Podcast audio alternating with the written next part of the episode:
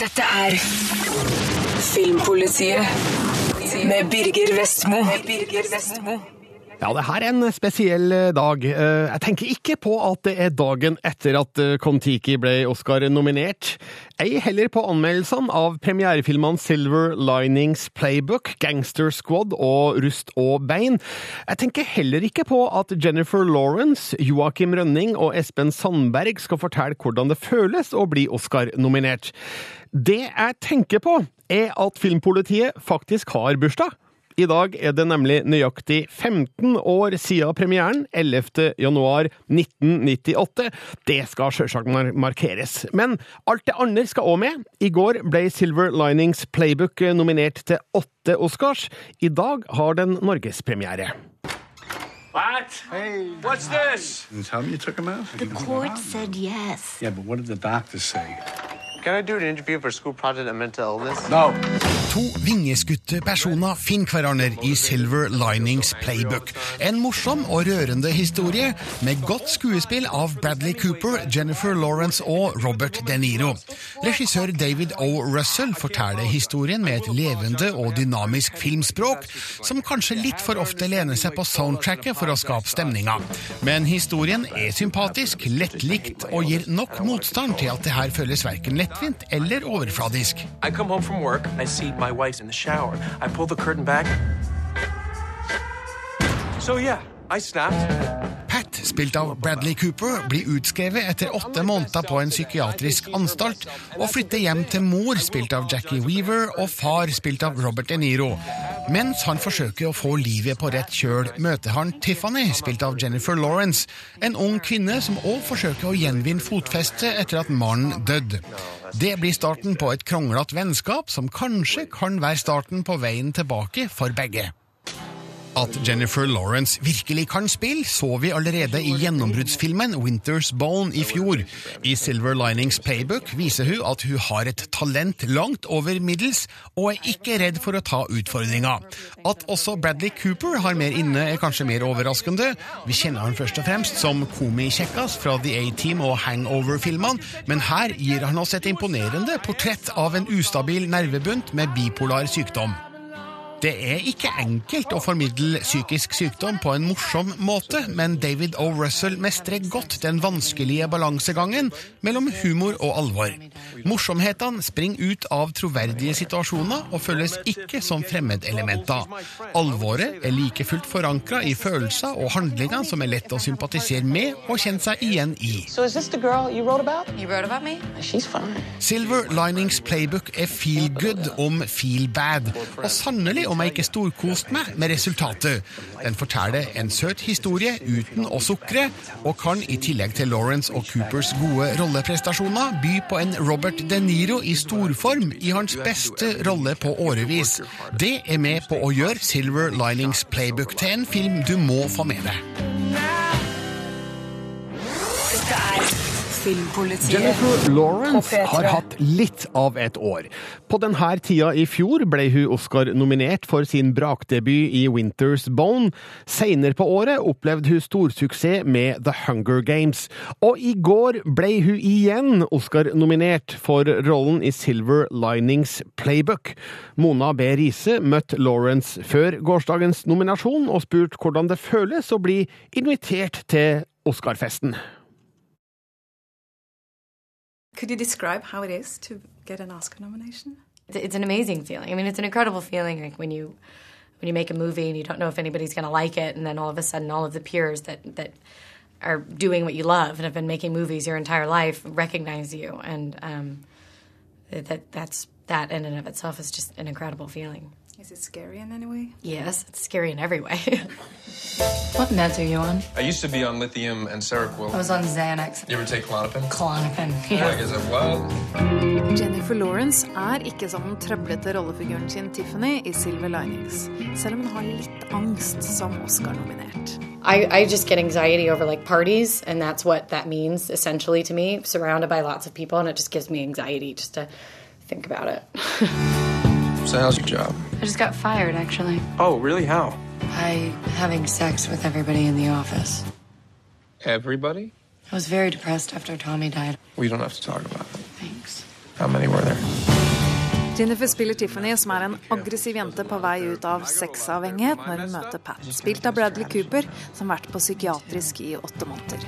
Tiffany's funny because she just has she has a lot of shortcomings. She has a lot of you know insecurities. She's made a lot of mistakes in the past, but each of these things is kind of met with this forgiveness in herself and this kind of peace that she's found with her, within herself, um, which makes her perfect for Pat Bradley Cooper's character because he he has what she you know he has the same kind of issues, the same kind of problems, but he hasn't really found that peace yet. So she's kind of an explosive person in his life, but also um, very peaceful for him.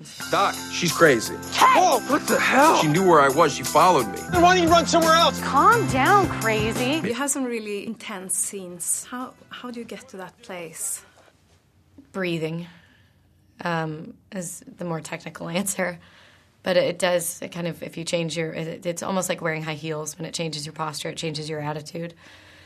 And breathing um, controls so much of your emotion. If you kind of fu- put yourself into this certain breathing pattern, it's easier to kind of, for the emotion to, to follow suit. So um, I guess my technical answer would be breathing. So it's breathing more than thinking, then? And Well, there's a lot of thinking, but that's a difficult thing to explain. Jennifer Lawrence gjør en Oscar-sterk rolle og puster seg inn i krisene i filmen.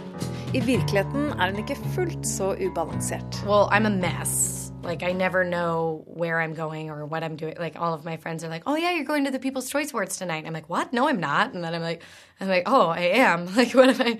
I just never. I'm very unorganized. I never know. I'm clean. Like my house is clean, but my mind is an absolute mess. Like I'll, I'll. I found my car keys in the refrigerator yesterday, so that's kind of my thing. How do you deal with that then? I, I just stress out every day. I'm tired. I want to go. Are you gonna walk me home or what? You have poor social skills. You have a problem. I have a problem. Mm-hmm. You say more inappropriate things than appropriate things. Karrieren til Jennifer Lawrence har eksplodert bare på et par år, og hun kan ikke lenger gå på gata i Los Angeles. Men allerede på første film ble hun stoppet i butikken. It was I was in Whole Foods, and she was just like grocery shopping. This woman had recognized me. I think Winter's Bone had just come out, and she was probably one of the first people that had recognized me. I wasn't really in the even ready for that yet. I was just kind of like, you know who I am. And she was like, I think that you are going to be a huge star. And I was like, oh, thank you. And then she was like, so call me when you need me in the future. And I was like, thanks. And then she left. I looked at the card and it was like, it was like rehabilitation, drug rehab, and like services. I was like, Thank you. Still have the card? no, I wish I did. No, I'm too unorganized. Det sa Jennifer Lawrence, som altså er Oscar-nominert for andre år på rad. Denne gangen for eh, dagens premierefilm Silver Linings Playbook, som totalt er nominert eh, til åtte Oscar-priser denne gangen. Det var en stor dag for norsk film i går. Eh, Kon-Tiki ble da, som du helt sikkert eh, har fått med deg, nominert eh, til Oscar i kategorien beste fremmedspråklige film. Og det må vi snakke om, og da har jeg fått med meg resten av Filmpolitiredaksjonen. Andreas Opsvik, Rune Håkonsen og Marte Hedenstad, hei. Hallo! For vi, vi, vi er jo kritiske journalister, selvfølgelig, men, men i går så var vi litt patrioter, vel? Ja, vi var jo det. ble veldig glad i hvert fall når Kon-Tikis eh, navn ble ropt opp helt til slutt av Seth MacFarlane på da Oscar-nominasjonsshowet. Jeg hyla høyt. Ja, eh, Det gjorde de sikkert med vilje, tenker jeg. De, de strakk de visste at det var vi som var mest spent. Men altså, det er lov å si at vi ble, vi ble overraska. Ja, jeg må, må innrømme at jeg ble ganske overraska. Jeg hadde ikke trodd at filmen skulle bli nominert, men det er jo selvfølgelig veldig artig å se at det amerikanerne omfavner denne eventyrfilmen. Jeg snakket jo med Mona B. Riise, som eh, var i Los Angeles eh, på nominasjonsrunden. Og hun fortalte at eh, journalistene og filmkritikerne der borte de var også veldig overrasket. Ingen av dem hadde sett Kon-Tiki i det hele tatt, eh, men de hadde hørt om filmen, da. Jeg snakka med flere redaksjoner om det her i, i går etter at eh, nominasjonene ble offentliggjort, og vi eh, kom vel fram til at det er viktig for Kon-Tiki å ha Harvey Weinstein i ryggen. Ja. Det er jo hans selskap som da har kjøpt rettighetene til filmen i, i USA, og Weinstein er jo en slugger som vet hvordan man skal få en film Oscar-nominert. Ja, og han er jo en supermektig mann, og det kan jo tenke litt på den her, da, Kon-Tiki er vel den eneste filmen han har med i Oscar-racet i år. Så det kan bli spennende. Det, det, det setter også et fokus på, uh, interessant nok, litt om mekanismene bak hvordan uh, Oscar-løpet avgjøres, og hvordan det stemmes. Uh, det er i hvert fall veldig artig å se at Kon-Tiki har nådd opp, jeg, men, men, jeg tror ikke den kommer til å gå av med selve prisen. altså. Jeg må, jeg må si det. Jeg har faktisk litt forhåpninger. Har du det? Ja, nei, men Det er lov å ha det. Det er kjempehyggelig, Marte. Veldig hyggelig at du har trua, altså. Men, men vi andre ser vel at det er vel en annen film som peker Ja seg ut, ja da. eh, Andreas? Det, altså, Amour, i tillegg til å ha fått for beste utenlandske film, så har den jo òg blitt nominert for beste film. Og jeg sier ikke at det er, betyr at den kommer til å vinne noen av dem, for så vidt. Men den har jo fått uh, veldig god mottakelse, og Mm. med flere andre nominasjoner så er det vel den som pekes ut. Ja, Det har jo skjedd merkelige ting i Oscarsammenheng før, altså, men i denne sammenhengen så det vil være fryktelig rart om ikke Amour skulle gå av med seieren, Rune. Ja, Den filmen eh, trilla jeg terningkast seks til, og jeg syns jo at Haneke med dette eh, nok kommer til å strekke seg veldig mye lenger enn det hans andre filmer har gjort, sånn i, i geografisk popularitet. Eh, Nå må, gjenstår det å se da, om, om, om Oscar-akademiet omfavner den stillferdige og veldig europeiske stilen Hanneke har, til fordel da f.eks. Kon-Tikis eventyrlyst, som, som, som formelig skinner ut av, av filmen. Eh, Og de er jo veldig glad i eh, helter som er basert på en sann historie og sånne ting eh, borti der, så det kan jo være til fordel for Kon-Tiki, det. Ja, Men Amor vinner, altså. Det er, det er ikke, det er ikke til forkleinelse for Kon-Tiki, som jeg likte veldig godt av den hadde premiere og ga terningkast fem, men eh, jeg tror nok Amor er et hakk hvassere i Oscar-sammenheng.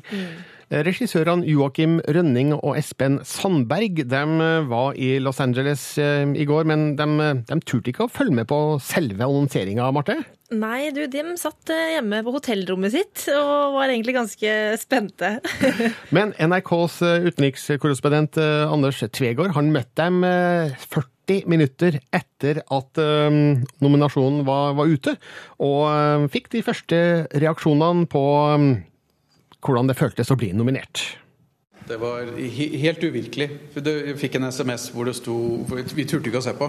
Hvor det sto 'yes' med utropstegn fra publisistene her. Og da var, løp vi ut i gangen eh, med konene våre og sto og klemte og skrek og vekket opp hele hotellet. Og det var en helt, helt fantastisk følelse.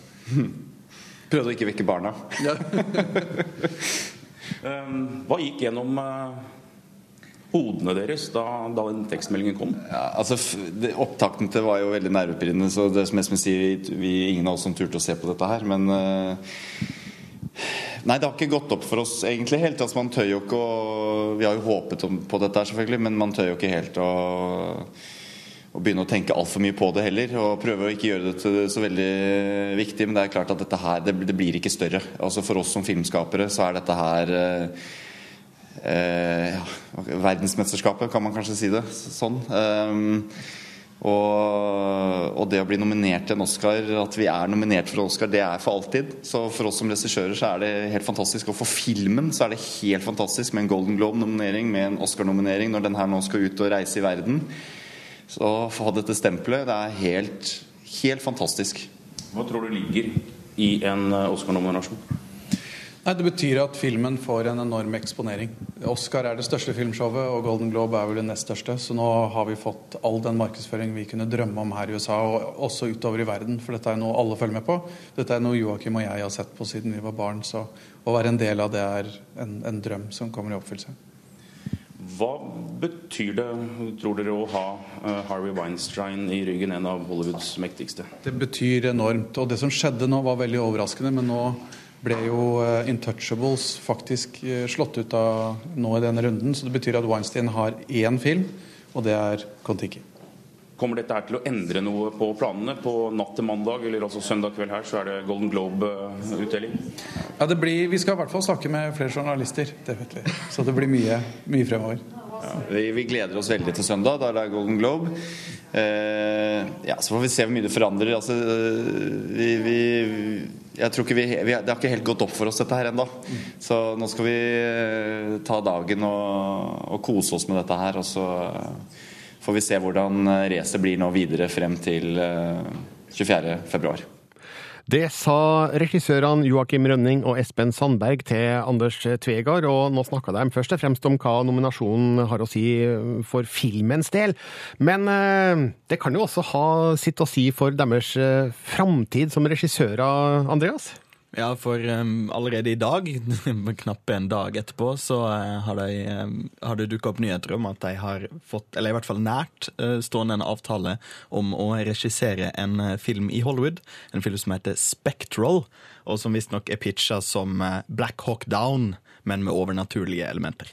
Men det er vel faktisk også en filmserie det er snakk om, så hvis de får denne her i land, så blir de jo værende på den amerikanske vestkysten i ganske lang tid, er det ikke så? Jo, og det har jo mottatt uh, stipend og støttemidler for en vikingfilm i Norge.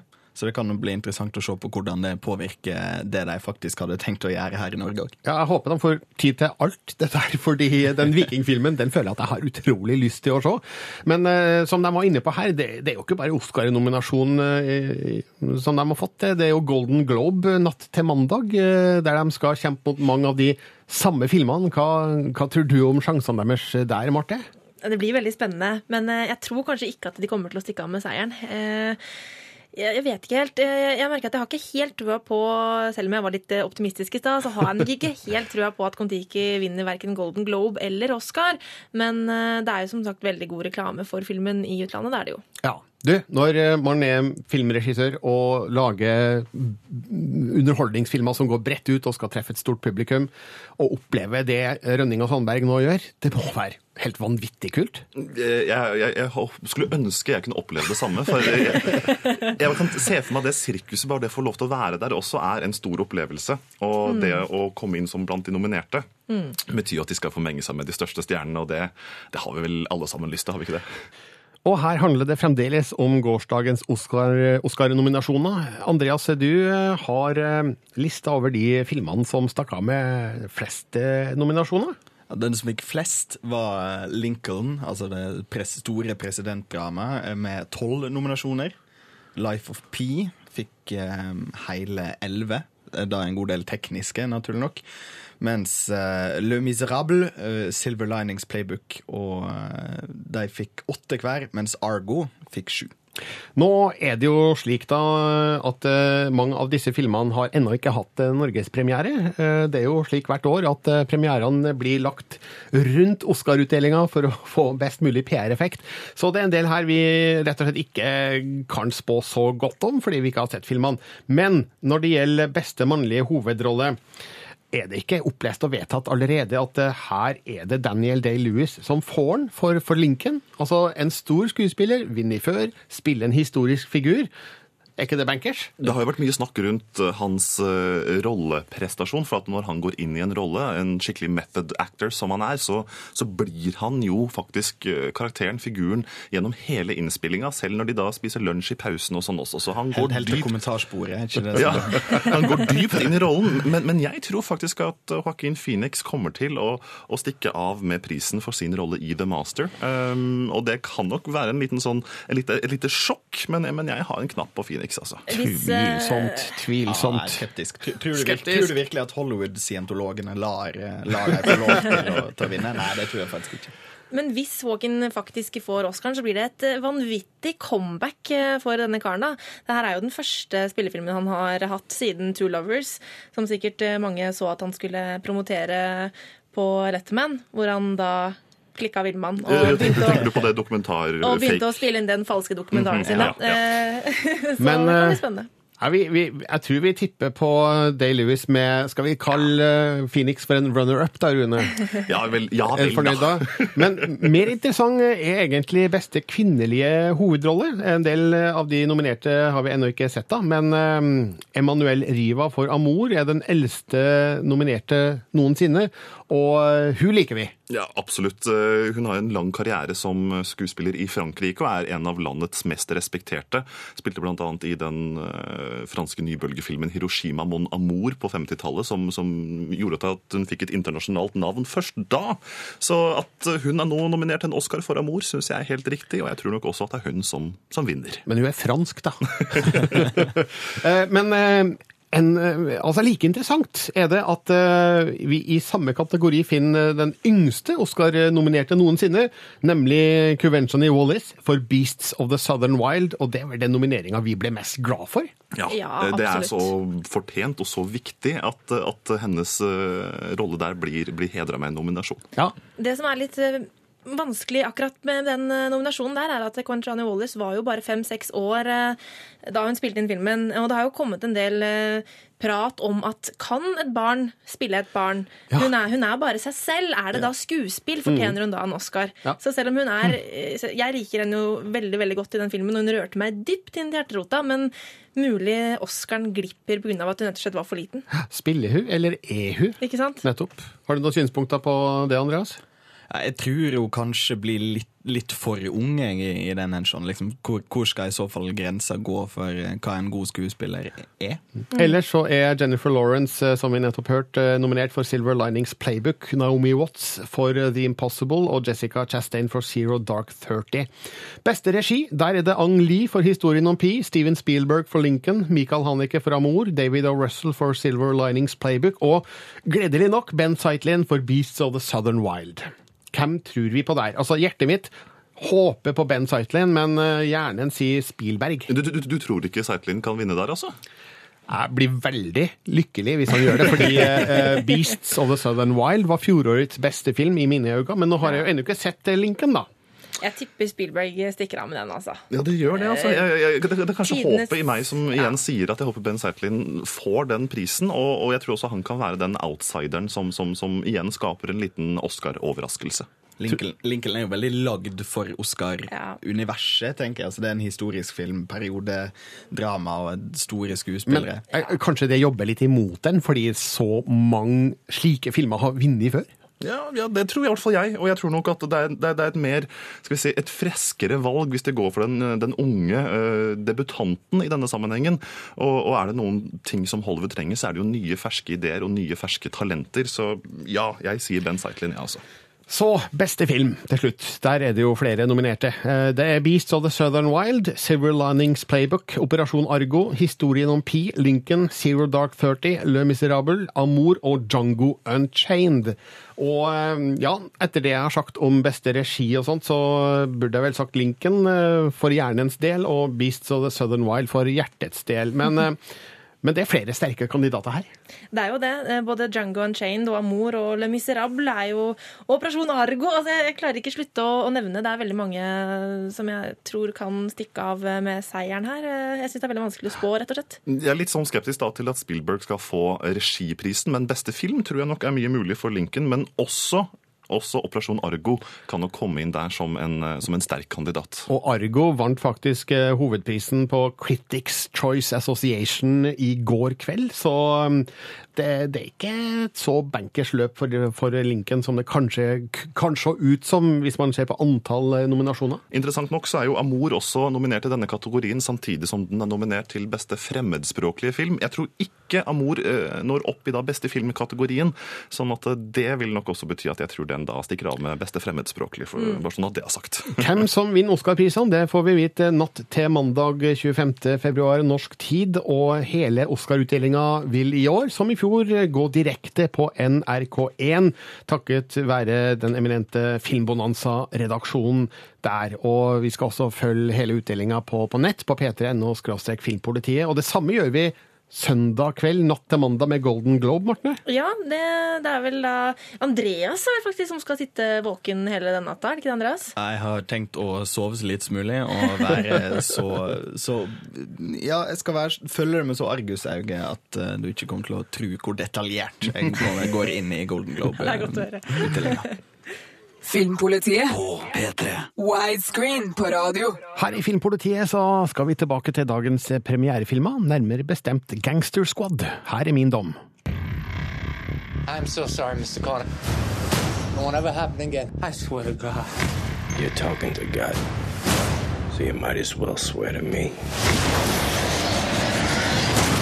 Gangster Squad ser ut som en førsteklasses gangsterfilm, men utseendet lyger litt.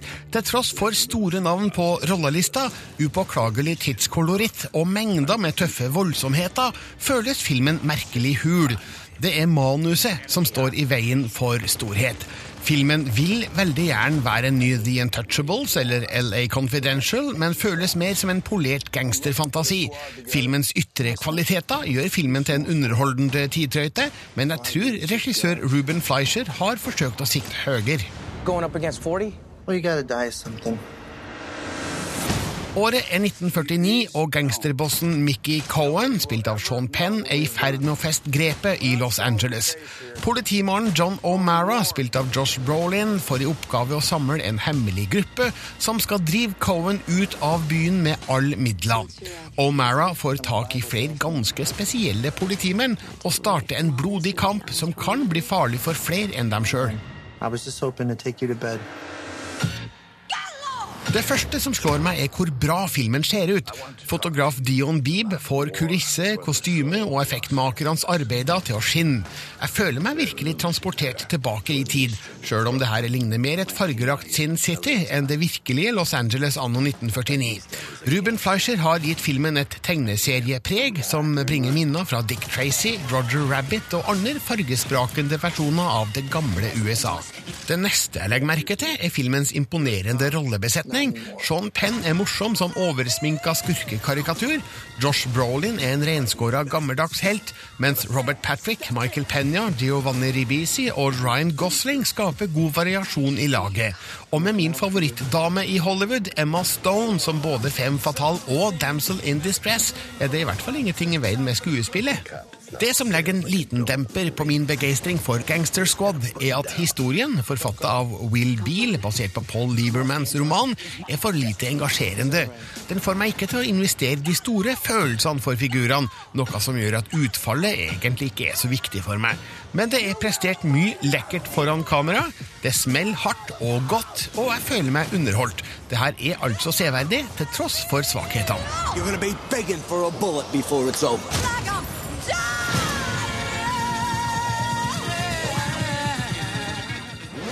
Dette er Filmpolitiet på P3. Og så altså Dread, en film som eh, tok meg by surprise da den kom på kino i, i fjor høst. Hadde liksom ikke noen forventninger til den. Jeg huska jo Sylvester Stallones eh, film fra 90-tallet som ikke var all verden, og ble dertil grepet av hvor fantastisk jeg syntes Dread var. Dette er sterke, store ord. Jeg står for dem, og nå kan du sjøl nyte filmen fra sofakroken på Blu-ray eller DVD. Kjøp Blu-ray, for da får du den også i 3D, hvis du har 3D-TV eller projektor. Nå skal du i hvert fall få høre min anmeldelse fra kinopremieren, så håper jeg at jeg dermed kan overtale deg til å gi filmen en eh, velfortjent sjanse. 800 million people living in the of the old world. Only one thing fighting for order in the chaos. The men and women of the Hall of Justice. Ah, endelig! En skikkelig hardbarka sci-fi-action for voksne. Dread er et voldsomt postapokalyptisk kaos av en film, med harde helter, barske bøller og ekstrem tegneserievold. Det her er nok ikke filmen for fintfølende nyanser, ei heller for dyp dialog av ypperste format, men dæven som det her underholder meg! Dread er et etterlengta utbrudd av B-filmtestosteron på et nærmest latterlig nivå. Den ser utrolig bra ut, og jeg har følelsen av at reprisefaktoren blir relativt høy. Judgment time. De eneste som kan opprettholde orden i fremtidsbyen Megacity One, er bevæpnede dommere med rett til å henrette forbrytere på stedet.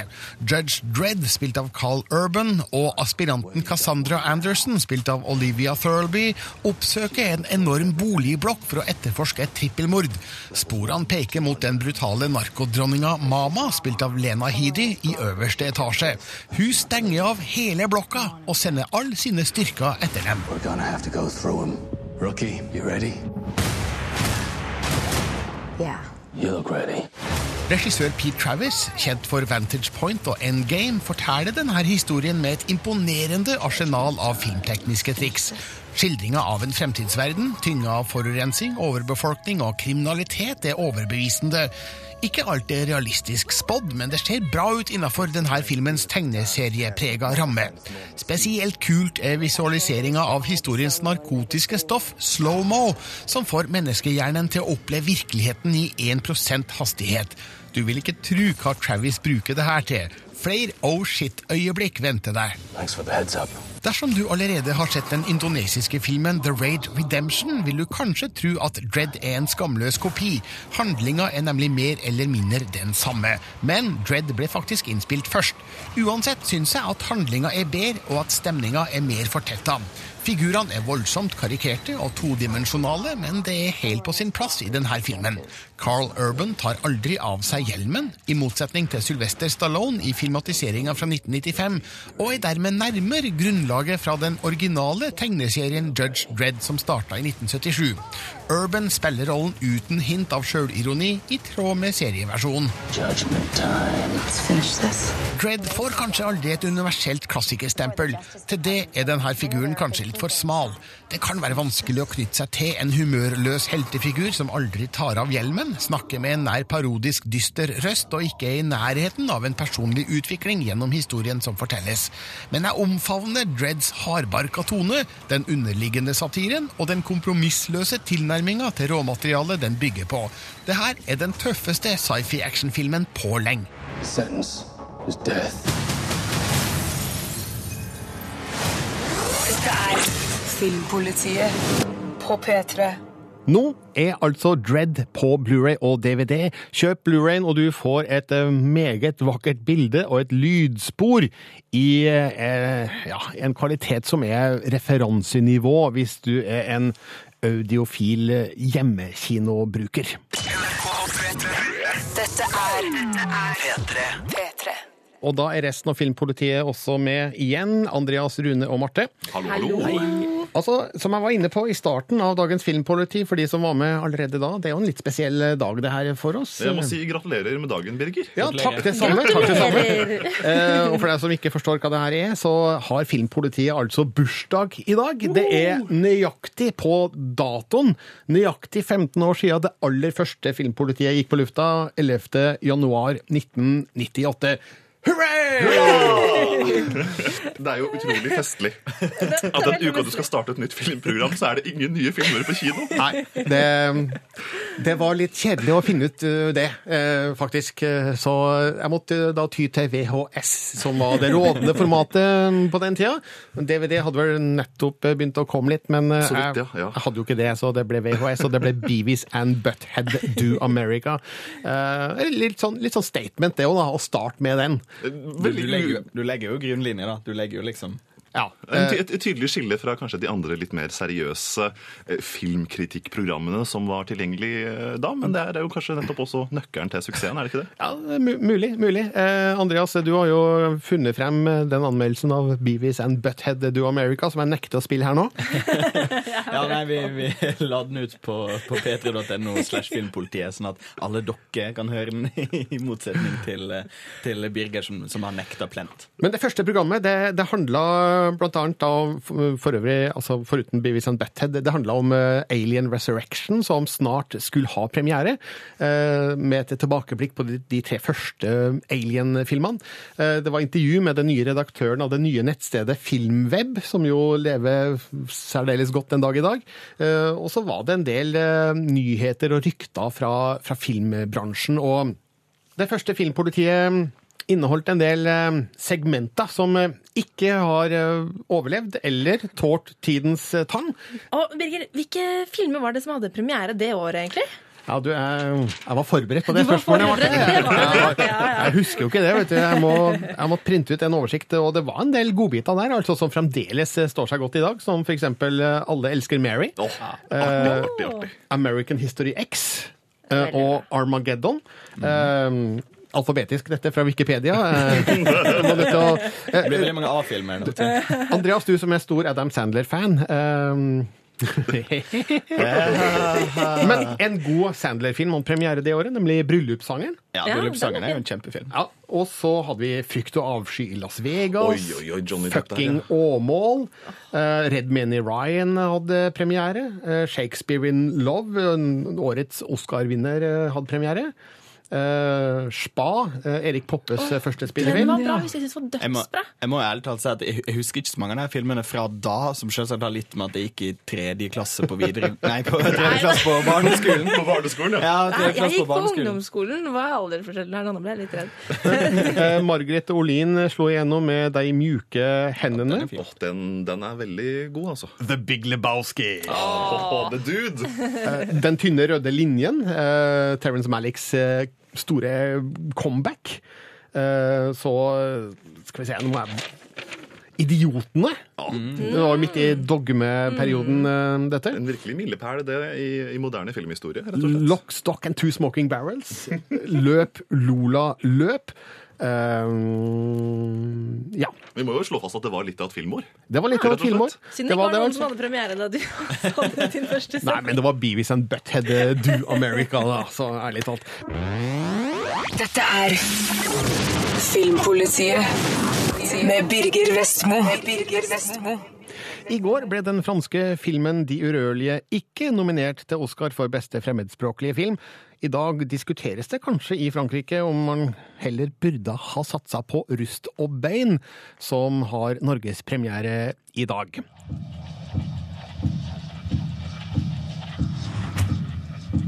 Utfordrende skjebner antydes i regissør Jacques Audiards siste film 'Rust og bein', som tegner et interessant bilde av hardt prøvede sjeler i Fattig-Europa. Her trekkes ikke elendigheten ned over øra våre, men serveres i form av et mørkt drama der håpet tross alt kan anes bak neste sving. Marion Cotillard og Mathias Schoenhardt briljerer foran kamera, mens Odiar dirigerer historien kunstferdig bak det.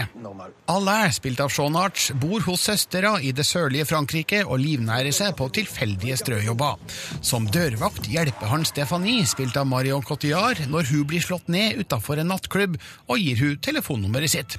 Når noe går fryktelig galt på jobben hennes, tar hun kontakt igjen. Det blir starten på et usannsynlig vennskap mellom to ulike personligheter. Hvorfor Stephanie velger å kontakte Alain kan tolkes forskjellig. Jeg tror hun opplevde han som en trygghet hun nå føler behov for etter den nevnte arbeidsulykka. Hun stenger seg inn, og Alain er hennes vei ut. Han på sin side ser på hun som nok et uforpliktende bekjentskap. Jeg syns Alain er en svært interessant figur. Han er en enkel sjel, svært fysisk og direkte, med få antenner. Han handler etter egne valg og er lite flink til å se andres behov, spesielt i forhold til hans fem år gamle sønn. Likevel gjør han mye riktig i møte med Stephanie, kanskje nettopp på grunn av antennemangelen. Audiards film vever de her menneskeskjebnene sammen i en lyrisk miks av skittengrå realisme og et nesten drømmende, eventyraktig billedspråk. Alains sidejobb som kampsportkjemper i ulovlige bakgårdsmatcher skildres med blodig energi og rå nerve. Hans temperament kan virke ganske forstyrrende, og Stefanis vilje til å fortsette det litt merkelige forholdet kan òg være vanskelig å forstå, men på sitt eget vis hjelper Alain hun til å komme videre, så vil filmen vise i hvilken grad. Rust og bein inneholder et klimaks som kan virke noe overdrevet. Hvor mye dritt er det troverdig at noen skal oppleve? Vel, hver ting har skjedd. Jeg kjøper det. Historien er svært godt fortalt og befester Jacques Audiards posisjon som en av Europas mest interessante regissører, etter tidligere suksesser som The Beat That My Heart Skipped og Profeten. Skuespillet er òg eksepsjonelt bra. Cotillard gjør en av sine beste roller, mens Schoenhardt, kjent fra Bullhead, fremstår som en kraftfull skuespiller med stor rekkevidde, og da tenker jeg ikke bare på kampsportscenene. Dette er Filmpolitiet på P3. Tidligere i Filmpolitiet har vi diskutert årets Oscar-nominasjoner, som ble offentliggjort i går, og der Kon-Tiki ble nominert i klassen beste fremmedspråklige film. Det er vi selvfølgelig stolte av. Men et av våre naboland er også nominert, nemlig Danmark, med en kongelig affære. Og Danmark har jo vært nominert og vunnet flere ganger før, nemlig i 1987 med Babettes gjestebud, året etter med Pelle Erobreren, som var en en dansk-svensk produksjon, og i 2010 eh, vant Susanne Bier med I en bedre verden, eller Hevnen som den het på dansk. I år handler det altså om en kongelig affære. Det blir spennende å se om den kan hevde seg blant eh, de mange sterke kandidatene. Denne uka kom den ut på Blu-ray og DVD. Dermed får du Marte Hedenstads dom over filmen fra kinopremieren. If you can get the king to visit your bedchamber on the first evening, you'll be perceived as a great success. Politisk drama, kongelige intriger og inderlig, men forbudt kjærlighet. Dette er ord som beskriver filmen En kongelig affære. Denne danske filmen er et historisk kostymedrama om det danske kongehuset. Proppfull av vakre bilder, fabelaktige kostymer og flott skuespill. Jeg kan godt lide å drikke, jeg kan godt lide luder med store bryster, jeg kan godt lide å slåss. Og hva er det galt i det? Vi befinner oss i Danmark på 1770-tallet, når ideologiene til opplysningstidens store tenkere er i ferd med å spre seg utover Europa. Alicia Vikander har rollen som den unge prinsesse Caroline Mathilde av England. Hun har giftet seg med sin fetter kong Christian den 7. av Danmark og skal møte sin mann for første gang. Caroline har hørt at kongen er en opplyst mann med sans for drama og poesi, og hun ser frem til et interessant liv ved det danske hoffet. Når hun ankommer Danmark, finner hun fort ut at virkeligheten er en ganske annen. Kong Christian er en nervøs og ekstremt usikker ung mann som rett og slett er splitter pinegal. De tror alle sammen jeg er skør. Karolines redning ut av ensomheten blir kongens nye livlege, tyskeren Johan Friedrich Struense, spilt av Mats Mikkelsen. Han er i all hemmelighet en mann av opplysningstiden, med sans for Rousseau og Voltaire. Og som idealister med trang til å kjempe om frihet for folket, trekkes dronningen og legen snart mot hverandre, og et inderlig kjærlighetsforhold utvikler seg. Jeg tror ikke de selv er klar over hvor mye innflytelse de har på Christian Stromse. Det er en spennende historie som fortelles i en kongelig affære. Ikke bare fordi den er basert på historiske hendelser, men fordi jeg bryr meg om figurene. Filmen skildrer den intense kjærligheten mellom Struense og dronningen på gripende vis, og det er Mats Mikkelsen og Alicia Vikander som helt klart er filmens største stjerner. Mikkel Følsgaard er ikke like sterk i sin rolle som kong Christian. Kongen er en morsom figur som får meg til å le, men han kan også bli litt for fjollete til tider. Og dette river meg litt ut av filmopplevelsen og får meg til å lure på hvor nært Følsgaards skildring av kongen ligger mot sannheten.